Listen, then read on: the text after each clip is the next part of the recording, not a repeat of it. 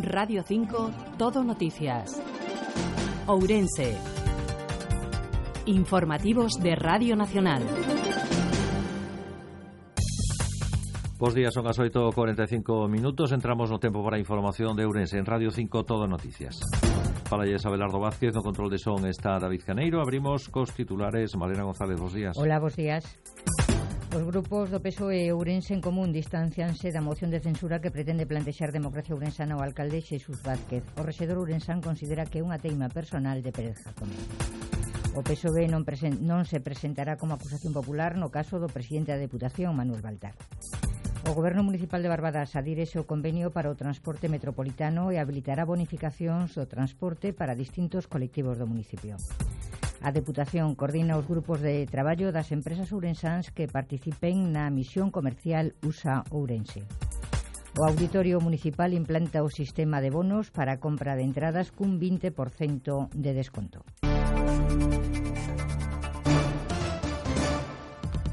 Imos á Dirección Xeral de Tráfico para coñecer as incidencias da circulación nas estradas da provincia. Carlos Garcinuño, buenos días. Buenos días, hasta ahora sin incidencias importantes. Afortunadamente en las principales carreteras orensanas se puede circular hasta ahora con normalidad de momento y según los datos que manejamos no hay ningún tipo de problema. Nivel blanco, circulación fluida. Completamos información co estado pronóstico do tempo. Os teus están anubrados a restora na cidade a temperatura de 8 graus. Desde Meteo Galicia informannos do pronóstico para as próximas horas. Lino Naranjo, bos días. Bos días. Para martes, a comarca de Ourense agarramos unha xornada caracterizada novamente con po, po pouco cambio, continuando el predominio dos ventos de componente oeste. Deste xeito, prominarán os ceos pasamente cubertos en xeral durante todo o día, con alguna probabilidade de precipitación moi ocasional. As temperaturas eh, mínimas ascenderon, con valor las primeras horas en Orense Capital preto los 8 grados, mientras que las máximas no cambiarán, con valores que estarán preto los 14 grados. Los ventos soplarán de suroeste frosos con intervalos moderados. Esta información fue suministrada por Meteo Galicia, Consellería de Medio Ambiente e Ordenación do Territorio. Radio 5 Todo Noticias. Informativos de Radio Nacional. Democracia Ourensana convocou os grupos, os outros grupos da oposición no Concello de Ourense a unha reunión para falar da presentación dunha moción de censura contra o alcalde, o popular Xesús Vázquez, dúas semanas despois de que fora reprobado co voto favorable do PSOE, o partido de Pérez Jacome insiste na necesidade de frear unha xestión que provoca, na súa opinión, un progresivo e inexorable dano á cidade. Os socialistas seguen rexeitando a moción e non teñen previsto asistir á xuntanza. Gonzalo Pérez Jacome convocou por carta o PSOE e a Ourense en común coa intención de xerar un debate interno interno nos grupos municipais e a súa militancia no que se valoren os pros e contras dunha moción de censura. A resposta inmediata do portavoz socialista José Ángel Vázquez Barquero é que desde o pleno de reprobación non mudou nada. Houve unha reprobación, pero, bueno, xa dixemos que a reprobación non levaba en principio a nada máis. O dixemos no propio pleno e o dixemos despois. O que pasa é que non entendo moi ben toda esta dinámica. Barquero, nin sequera contempla acudir á reunión que sería a mediados de marzo. A nosa xenda elaboramos nós. Eh, de momento non está na axenda. O voceiro de Democracia Ourensana Pérez Jacome cree que os votantes do PSOE non entenderían que se mantivera o PP no goberno habendo alternativa. Bueno, pues si el PSOE va a tener este planteamiento y no va a venir a reuniones a hablar ni siquiera, pues yo creo que, que queda retratado, queda deslegitimado para hacer oposición y allá cada cual si quiere con el partido pues pues hundirlo o no. Pues ya cada cual que haga lo que considere pero desde luego ningún votante la mayoría de los votantes del PSOE no van a entender que se quiera mmm, protestar cuando realmente se puede cambiar. O sea, ¿cómo justificas que, que el responsable de mantener al PP en el gobierno es el PSOE? Entonces, a ver como lo explican. O concelleiro, mm, o concelleiro de Ourense en Común, Martiño Vázquez, si está disposto a sentar nunha mesa e falar, aclarando que a aritmética dos resultados electorais de maio deixaron na man de Democracia Ourensana e do PSOE unha posible alternativa ao Partido Popular. Ourense en Común non participará nesta legislatura dun goberno de coalición, porque aí xa nos comprometemos en maio, pero si sí podemos dar soporte a outra candidatura alternativa ao Partido Popular se esta é compatible e sensible coas demandas de renovación democrática e rescate das persoas que entendemos centran o debate a día de hoxe. Pola súa banda, o rexedor Ourensán, Xesús Vázquez, mantén os argumentos que expresou tras o pleno no que foi reprobado. Considera que a moción de censura é unha cuestión persoal de Pérez Jacome que pretende chegar á alcaldía de Ourense sexa como sexa. Xesús Vázquez rexeita os argumentos nos que Pérez Jacome basea a necesidade dunha moción de censura. Sinala que hai moito por facer na na cidade, pero que é innegable que nestes oito meses de goberno do PP ao fronte do Concello quedaron desbloqueados importantes investimentos e proxectos. Que nestos oito meses se leva feito nesta cidade e todo moito que queda por facer, eh, con máis menos presa e con máis menos necesidades orzamentarias. Creo que foron moitos os pasos que se deron nestos oito meses. Podese acusar a alcaldía ou podese buscar calquera outro pretexto, pero o pretexto de manter esta cidade paralizada nestos oito meses ou de non traer a cabo investimentos, investimentos investimentos importantes como da Fundación Amancio Ortega eh, acordado recentemente eh, dado visto bo, ¿no? E que próximamente se eh, asinará ese convenio para que esa sea unha realidade. Pero podríamos poñer a descifrar ou a enumerar todas e cada un dos acordos levados a cabo tanto en Madrid eh, que levaban bloqueados moitísimos lustros como na propia Xunta de Galicia como na propia Deputación. A minoría na que goberna o PP no Concello fai doado a presentación dunha moción de censura sinala o alcalde lembra que depende de conseguir 14 votos da corporación para que prospere. Con todo, cree que se trata dunha cuestión persoal do líder de democracia urensana que pretende conseguir o que non lle deron as urnas. Volvo a decir, non deixa de formar parte parte pois dunha actitude de un grupo, de unha persoa que baixo calquera pretexto intenta eh, ou entende que debe de chegar á alcaldía por riba do que foi o voto da cidadanía incluso ou do consenso cos outros partidos políticos. O ten tan fácil, reitero, como presentar unha moción de censura e contar cos 14 votos necesarios para poder acceder a esa alcaldía da cidade. E cambiamos de asunto, o PSOE ten prácticamente decidido que non vai exercer a acusación popular na investigación que realiza un xulgado ourensán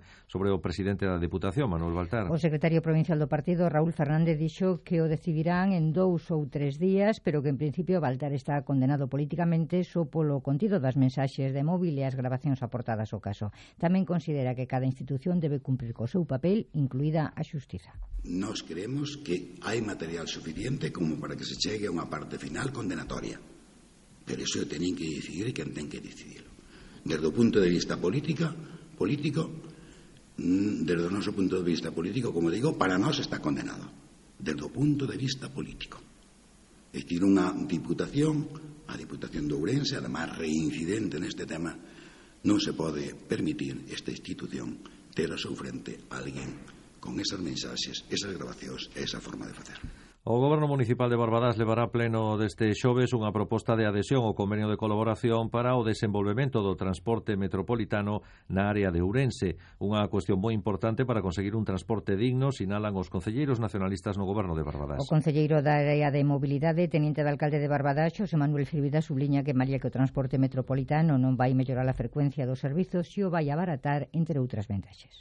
Eu creo que isto justifica que o Pleno do Concello de Barbadás o xoves desta semana apoie a adhesión do Concello de Barbadás a este transporte metropolitano que se ven é certo que non vai mellorar nin frecuencias, nin liñas en Barbadás, eu creo que é unha IVA que temos todavía que solventar coa Consellería de infraestructuras da Xunta de Galiza non se melloran frecuencias nin se melloran liñas, pero sí abarata o uso do mesmo e sobre todo coas, coas eh, eh, eh, axudas de bonificacións sociais que vamos por en marcha desde o goberno de Barbadas. O Concello de Barbadas manterá as bonificacións a estudantes e pensionistas e abre dúas liñas máis de axuda para persoas con discapacidade e familias en risco de exclusión. Estas bonificacións sociais van a ser en función da renda disponible, é dicir, en función da necesidade social e económica dos nosos veciños.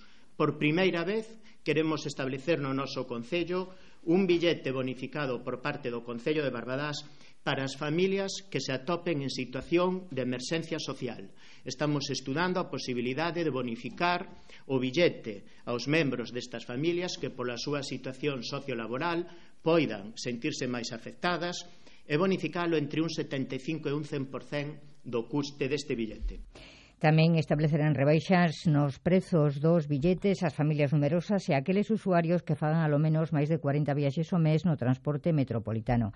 Segundo Xosé Manuel Firvida, o transporte metropolitano supón beneficios para os veciños, entre outros o abaratamento do custe, como xa dixemos, e tamén facilita a interconectividade. É dicir, aqueles veciños e veciñas do noso Concello que cheguen á cidade de Ourense poderán facer uso do transporte eh, municipal do Concello de Ourense sin verse gravados polo aumento do billete, con un billete único, como digo, utilizando simplemente a, a tarxeta de transporte metropolitano da área de Ourense. Tamén o Goberno Municipal de Barbadas ten intención de pôr en marcha un transporte intermunicipal que conecte as parroquias entre sí coa Valenzá. Con este fin, o Teniente de Alcalde acaba de solicitar unha entrevista coa Directora Xeral de Mobilidade para negociar o funcionamento deste servizo. O Auditorio Municipal incorpora o sistema de bonos para os espectáculos infantís cun 20% de desconto, un novo sistema que pretende fidelizar o público do recinto que acadou o pasado ano récord de espectadores na súa historia. O Departamento Municipal de Cultura presentou o programa de actividades e espectáculos programados no auditorio aquí o mes de xuño unha programación para nenos e adultos que inclúe espectáculos para todos os públicos e que abrangue un amplo abano das artes escénicas, desde ópera a zarzuela e representacións teatrais a cargo de compañías nacionais e galegas. Manuel Freire, responsable da programación do auditorio. O, los Diez Negritos é unha obra da Agatha Christie e aí pois eh, veñen pois esos actores así a nivel nacional e iso tamén sempre ten un pouco de tirón, pero sin deixar de lado o teatro galego que temos eh, porque estamos dentro da rede galega de, de teatros eh, coa Agadic e tamén temos, penso que, unha programación eh, eh, moi chula, o sea, desde os vellos non deben namorarse mm. eh, a, a outras cousas eh, que creo que mm, poden gustar eh, a todo o mundo. Unha programación que ten por finalidade manter o nivel de actividade de espectadores do recinto cultural municipal. O pasado ano programou preto de 500 actividades e tivo máis de 104.000 espectadores. Con este obxectivo implántanse o sistema de bonos para cinco funcións cun desconto do 20%. E eh, por primeira vez empezamos eh, neste auditorio que hasta ahora non tiñamos este sistema de bonos que aínda non fixéramos, pois vamos a experimentar xa co tema da programación infantil que a xente pode comprar un bono para diferentes eh, funcións. Eh, é un aforro eh, a hora de, de, de comprar entradas e unha maneira tamén de algún xeito de fidelizar un pouco máis o público que xa temos en aumento e vamos eh, a prova está que os datos do auditorio pois eh, chegamos á cifra máxima de asistentes en toda a súa historia con, pasamos das 100.000 das 100.000 persoas. Na programación infantil mantense o teatro para bebés todos os primeiros venres de mes e que está a ter moi boa acollida. As funcións son os primeiros venres, como decíamos, e contan con moi boa participación. A Concellera de Cultura Belén Iglesias subliña que o Auditorio Municipal é un dos piares da dinamización cultural da cidade. Pretendemos achegar á cidadanía unha oferta atractiva o máis completa, dinámica e variada posible. Como exemplo desto, ten temos o teatro para bebés que comenzou fai eh, tan só uns meses e hoxe convírtese está sendo todo un éxito. Repasamos agora as portadas dos xornais con edición local. Xunta e Hidrográfica axudarán a recuperar as ribeiras do Miño con este titular abre edición o xornal La Región que recollen fotoportada a xuntanza do presidente da Deputación e representantes das empresas ourensás para preparar a próxima misión comercial de empresas norteamericanas. Faro de Vigo leva a portada que o PSOE rexeita a moción de censura proposta por Democracia Urensana que o alcalde califica de delirio e que o director Rubén Ríos reivindica a igualdade con vida e máis cabida. La Voz destaca que en Ourense atopáronse preto de 200 coches abandonados e que o PSOE reitera que a moción de censura en Ourense non está na súa xenda. E xa na rede Ourense Digital recolle que Pérez Jacome plantexa o resto da oposición a moción de censura a Xesús Vázquez e que o goberno de Barbadas non ten dúbidas si o transporte metropolitano que propiciará a conectividade.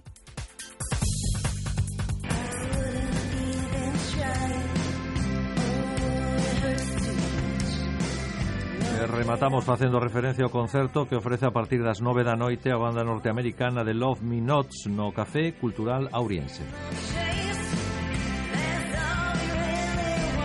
Así rematamos este primeiro tempo dedicado á información local e provincial. Regresamos ás 9.33 minutos. Acompañaranos a ex-deputada socialista por Ourense, Laura Sea.